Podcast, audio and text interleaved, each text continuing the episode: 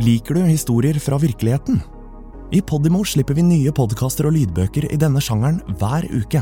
Dokumentarer, personlige historier og true crime. I denne spillelisten kan du høre et utvalg av våre mest populære titler. Podimo. Podkast og lydbøker i én og samme app.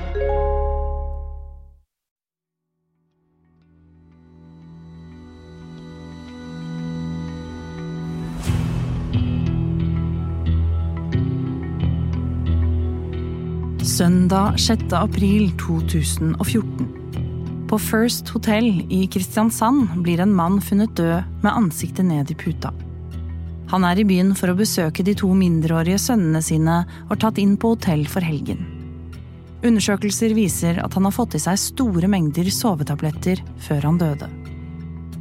Tre år senere, høsten 2017, blir mannens tidligere samboer pågrepet.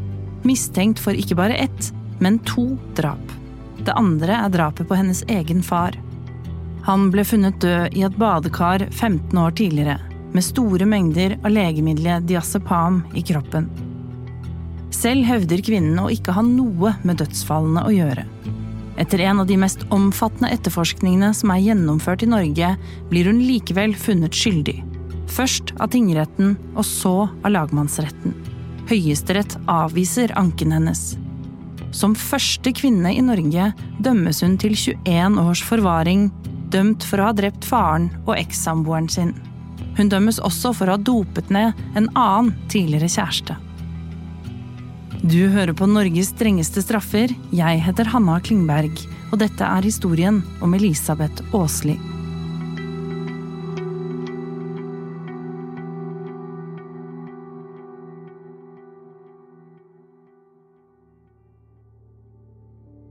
Elisabeth Therese Aasli er i dag en 47 år gammel syvbarnsmor fra Kristiansand.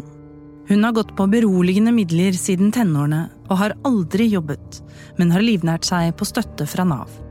Hun har også arvet en del penger, som vi skal komme tilbake til. Livet til Elisabeth har vært preget av konfliktfylte og krevende relasjoner. Hun har vært i konflikt med familien, med fedrene til barna sine og med barnevernet. Elisabeth er muligens ikke en person det er lett å være venn med. Men i 2014, tre år før hun blir arrestert, får Elisabeth en ny venninne, Anna Andersen. Anna og Elisabeth har lange, fortrolige samtaler. Elisabeth forteller Anna om det turbulente livet sitt. Det å ha syv barn med fem forskjellige menn er ikke lett, og Elisabeth mener at hun har blitt mye sviktet og skuffet. Hun stoler ikke på disse mennene stoler ikke på politiet, som bare vil ta barna hennes fra henne. Elisabeth fremstår til tider som bitter og hevngjerrig i samtalene med Anna. Hun sier blant annet at hun skulle ønske faren til et av barna døde. Så deilig, for en følelse, sier hun, om han hadde vært vekk. Det er den største gaven noen kunne gitt meg. Når Anna på sin side klager over den plagsomme kjæresten sin Kalle, kommer Elisabeth med forslag til hvordan Anna kan kvitte seg med ham. Hun kan bytte ut innholdet i vitaminpiller med sovetabletter. Anna er svært interessert i denne ideen. Hvor mange får jeg plass til i en sånn, spør hun. Fire, fem, seks, svarer Elisabeth. Og da sover du godt. Det Elisabeth ikke vet, er at venninnen hennes Anna ikke heter Anna i det hele tatt. Hun er en undercover-agent og jobber for politiet. Helt siden ekssamboeren ble funnet død på First Hotel, har politiet holdt øye med Elisabeth. Etter tre år og nærmere 50 samtaler blir Elisabeth pågrepet i 2017. Opptakene av samtalene med Anna spiller en avgjørende rolle i dommen. Men ikke én gang i løpet av 50 samtaler innrømmer Elisabeth å ha drept verken ekssamboeren eller faren sin. Selv hevder Elisabeth at mye av det de snakket om, var oppspinn et forsøk på å få det kjedelige livet hennes til å virke mer spennende. Hun sier at hun aldri har åpnet en vitaminkapsel i sitt liv, og hun nekter for å ha dopet ned noen. Rettspsykiatere har derimot beskrevet Elisabeth som manipulativ, med lite empati og sterke psykopatiske trekk. De kaller drapene utspekulerte og nøye planlagt. Men hvorfor skulle Elisabeth ha drept sin egen far og faren til to av barna sine?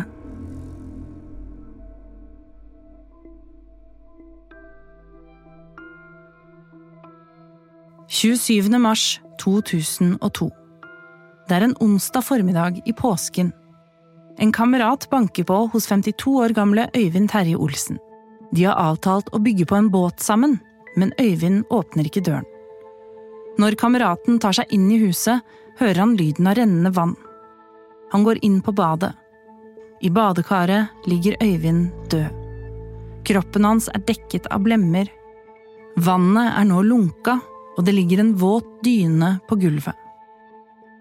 Etterforskerne finner ingen åpenbar dødsårsak. Det finnes ingen elektriske feil på badekaret, og i tillegg til blemmen han har på kroppen, har deler av huden til Øyvind begynt å løsne fra kroppen i store flak. Det er umulig å si noe om dødstidspunktet, fordi kroppen har blitt tilført varmt vann. Men kroppen bærer preg av å ha ligget i vann lenge.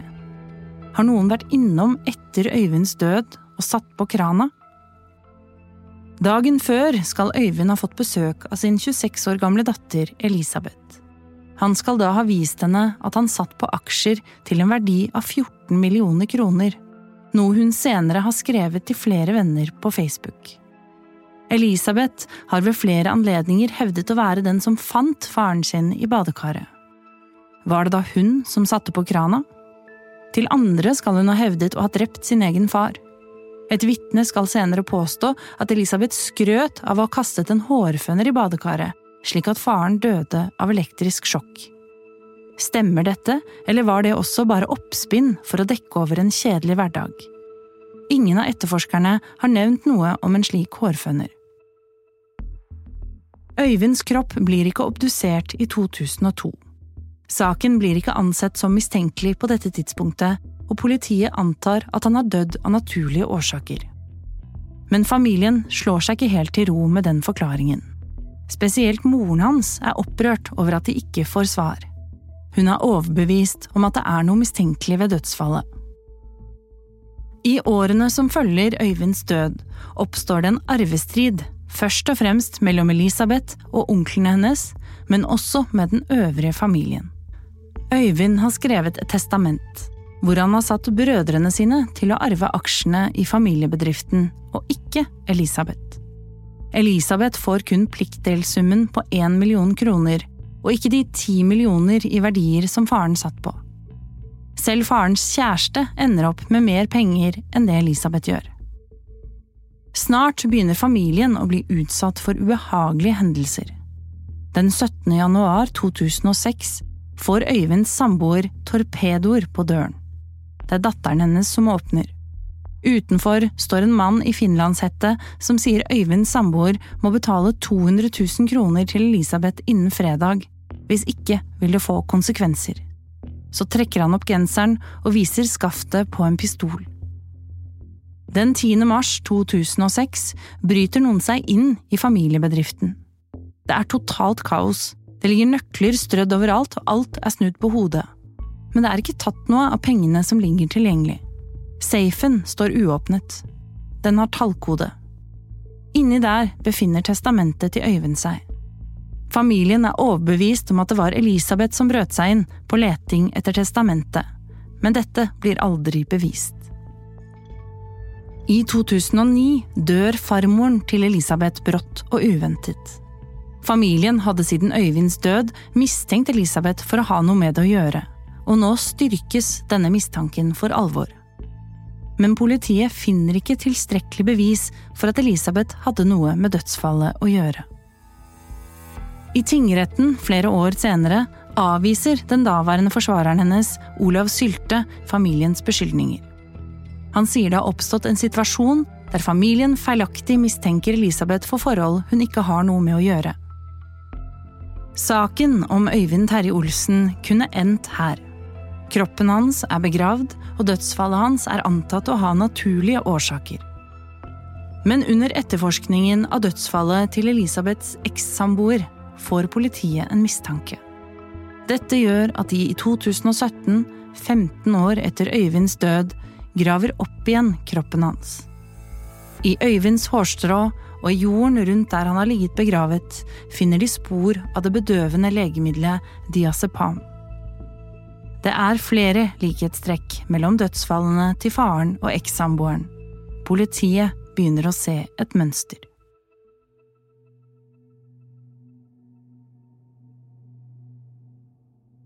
Søndag 6. april 2014.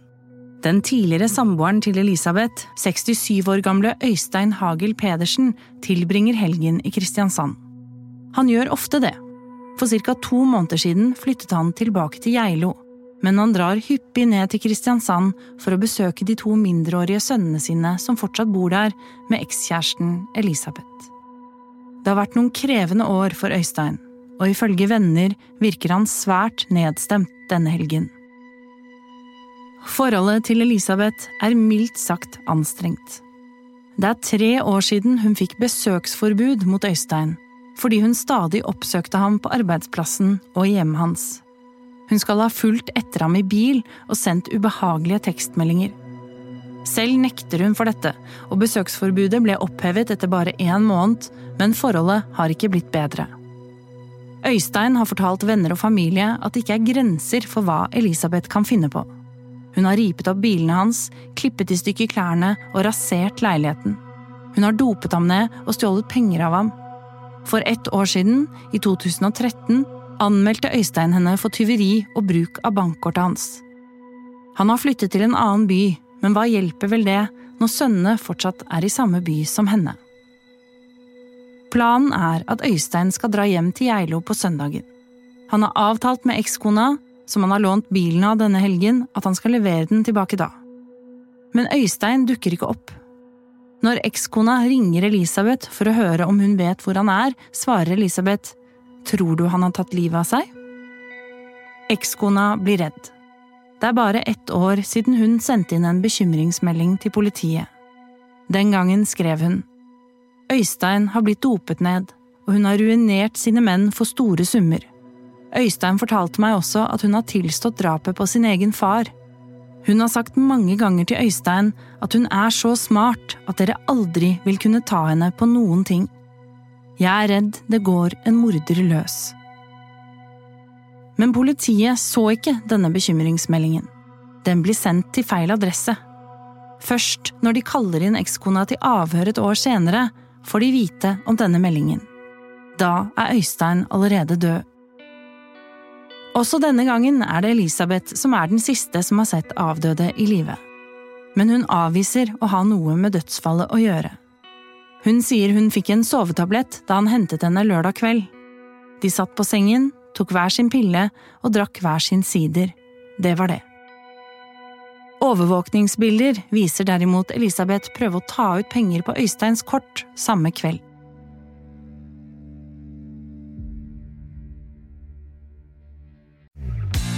Hei! Har du lyst til å høre mer som denne podkasten, men helt reklamefritt? Da vil jeg anbefale deg å laste ned Podimo-appen for en gratis prøveperiode. Ikke bare finner du kvalitetspodkaster innen alle sjangere, men også flere av de mest populære lydbøkene. Alt sammen i Podimo-appen. Når Elisabeth blir arrestert i 2017, er det flere som puster lettet ut. En av disse er faren til det yngste barnet hennes. Han mener han var den neste på lista, og at hun ønsker å drepe ham. De to var kjærester i tre–fire måneder, men han fikk raskt en dårlig følelse rundt henne. Da Elisabeth ble gravid, skal mannen ha sendt inn en bekymringsmelding til barnevernet, og dette gjorde henne rasende. Det var ham Elisabeth snakket om da hun fortalte Anna at det hadde vært den største gaven om ekskjæresten døde. Mannen sier Elisabeth truet ham på livet og sa hun skulle sende torpedoer på ham. Når politiet ransaker leiligheten til Elisabeth, finner de en lapp med mannens navn skrevet gjentatte ganger. Rundt navnet hans er det tegnet opp-ned-kors, og ved siden av har hun skrevet hjerte svikter, hjerteinfarkt og kraftig skade. Mannen kommer fra en familie med hjerteproblemer. 25. februar 2019. I Kristiansand tingrett blir Elisabeth Therese Aasli funnet skyldig for drapene på Øyvind Terje Olsen og Øystein Hagel Pedersen, og for å ha dopet ned en annen tidligere samboer. Hun dømmes til 21 års forvaring med en minstetid på ti år og til å betale nærmere en million kroner i erstatning til pårørende. Etter kort betenkningstid anker hun. Så langt har Elisabeth nektet å la seg avhøre av politiet etter at hun ble siktet. Hun stoler ikke på dem. Hun har heller ikke villet uttale seg i tingretten. Men i lagmannsretten endrer hun mening. Hun sier hun ikke har noe valg etter å ha sett hvordan det gikk i tingretten. Det er her Elisabeth forklarer at samtalene med Anna bare var oppspinn og vås. Hun sier at hun ikke har noe med dødsfallene til faren og ekssamboeren å gjøre, og at hun er uskyldig. Når hun blir spurt hvorfor hun sa til Anna at hun skulle ønske at tidligere samboer døde, forteller hun at hun bare var sint fordi mannen hadde kontaktet barnevernet, og hun mistet omsorgen for sin yngste datter. Hun mente ingenting med det. I lagmannsretten innrømmer Elisabeth også å ha løyet til politiet. Da hun ble avhørt som vitne dagen etter Øysteins død, sa hun at hun ikke hadde sett ham innta noe annet enn alkoholholdig sider. I lagmannsretten sier hun derimot at de begge tok sovetabletten Stilnoct. På spørsmål om hvorfor hun løy om dette, forklarer hun at det var fordi hun hadde gjort noe kriminelt. Hun hadde stjålet kortet hans da han var i dusjen, noe hun innrømmet allerede i avhørene med politiet i 2014. Hun stjal kortet, som ble slukt da hun oppga feil kode tre ganger. Men hun har ingenting med dødsfallet hans å gjøre, sier hun. Hun er uskyldig dømt. Retten tror henne ikke. I en 60 siders dom begrunner de hvorfor Elisabeth er skyldig. Dommen er enstemmig. Retten mener Elisabeth drepte både faren og ekssamboeren sin ved å dope dem ned og deretter kvele dem. Faren hadde drukket alkohol og var allerede beruset da Elisabeth lurte i ham sovemedisin. Så druknet hun ham i badekaret. Posisjonen kroppen hans ble funnet i, tyder på at noen aktivt hadde sørget for at hodet hans kom under vann. De mener motivet hennes var arv. Drapet på ekssamboeren var motivert av hevn, mener retten. Elisabeth klandret ham for at hun hadde mistet omsorgen for sønnene. Hun lurte i ham sovemedisin før hun presset ansiktet hans ned i puta. Så tok hun kredittkortet hans. Elisabeth og forsvareren hennes Olav Sylte har hele tiden sådd tvil om dødsårsaken. Faren hennes ble aldri obdusert, og dødsårsaken er ukjent. Man kan ikke utelukke at han døde av naturlige årsaker. De sier ekssamboeren hennes døde av en overdose sovemedisin, og at dette var selvmord. Venner av Øystein har selv sagt at han virket nedstemt før han døde. Påtalemyndighetene er derimot ikke i tvil om at begge ble drept. Det samlede bevisbildet er tydelig. De baserer dette på Elisabeths egne utsagn, ikke bare til Anna, men også til andre bekjente. De har også spanet på henne, gjort hemmelige ransakinger og avlyttet bolig og telefon. Elisabeth og forsvareren hennes hevder retten mangler konkrete bevis. Hele saken er bygget opp av indisier. Men lagmannsretten konkluderer med at Elisabeth er farlig, og at det er fare for at hun kan drepe igjen. I dommen står det det klare mønsteret å forgifte menn som er i nær relasjon med henne, er svært bekymringsfullt. Den 3. juli 2019 blir Elisabeth nok en gang dømt til Norges strengeste straff. Iført en turkis hettegenser sitter hun tålmodig og lytter til den lange dommen som leses opp. Øynene hennes er klistret til dommeren. Hun ser nærmest likegyldig ut. Men Elisabeth har ikke tenkt til å gi seg så lett. Hun holder fast ved at hun er uskyldig, og anker til Høyesterett. Fordi hun ble funnet skyldig i både tingretten og lagmannsretten, er skyldspørsmålet ansett som avgjort. Men Elisabeth kan anke hvis hun mener det er alvorlige saksbehandlingsfeil. Det gjør hun. Denne gangen er forsvareren hennes Jon Christian Elden. Han mener at to av dommerne i saken er inhabile fordi de var med på å arrestere Elisabeth flere år tidligere. Han sier også at bruken av undercover-agenten Anna er tvilsom fordi det mangler rettspraksis på området. Høyesterett avviser anken. Siden Elisabeths tidligere forsvarer i ting- og lagmannsretten aksepterte bruk av undercover-bevis, må dette anses som at Elisabeth har samtykket til dette, mener de. De er ikke enige at dommerne er inhabile, og sier at bevisene fra dekkoperasjonen kun er støttemomenter i et ellers massivt bevisbilde. Dommen blir stående. Men Elisabeth har ikke gitt opp håpet. Hun hevder hardnakket at hun er uskyldig dømt. I august 2022 ber hun om at saken gjenåpnes. Nok en gang har hun en ny forsvarer, denne gangen Sigurd Klomsæt. Klomsæt er kjent fra to av norgeshistoriens største drapssaker, Baneheia-saken og Birgitte Tengs-saken. I begge tilfeller var han overbevist om at politiet hadde feil mann, og han skulle vise seg å ha rett. I 1998 var han med på å peke ut mannen som i dag er tiltalt for drapet på Birgitte Tengs. Og i 14 år, helt siden han jobbet med å gjenoppta saken i 2008, har han hevdet at Viggo Kristiansen er uskyldig dømt for drapene i Baneheia. I oktober 2022 ble Kristiansen omsider frifunnet. Hva betyr det for saken til Elisabeth at Klomsæt nå forsvarer henne? Kan det være at vi står overfor nok et justismord? Når det kommer til Elisabeths sak, sier Klomsæt at det ikke finnes noe grunnlag for domfellelse i det hele tatt. Han går så langt som å si at det er brukt ulovlige politimetoder i saken, og han er overrasket over at saken ikke er tatt videre til Den europeiske menneskerettighetsdomstolen. Han deler Eldens oppfatning om at undercover-virksomheten er både lov og konvensjonsstridig. Betyr dette at Elisabeth er dømt på feil grunnlag? Kan hun være uskyldig? Og hva da med alt som har stått om henne i avisene de siste fem årene? I august 2022 lar Elisabeth seg intervjue av Fedrelandsvennen. Jeg sitter her og er dømt på grunn av en såkalt helhetsvurdering, sier hun. I retten ble jeg utsatt for en mobb som skulle lage et mørke. Alt ble vridd og vrengt på.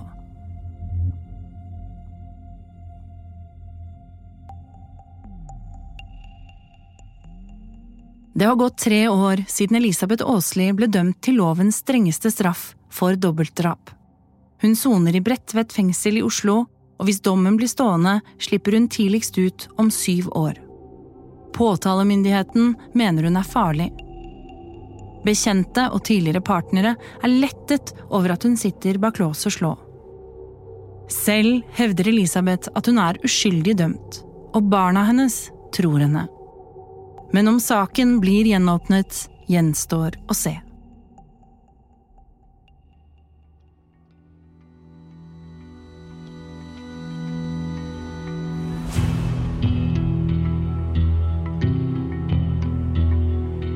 Du har hørt på Norges strengeste straffer. Denne episoden er skrevet av Maja Veflen Olsen. Lyddesigner er Olav Nedberget. Produsenter er Håkon Lange og Andreas Weier Osvold. Og programleder er meg, Hanna Klingberg. Norges strengeste straffer er produsert av både og ved Stian Letessier, eksklusivt for Podimo.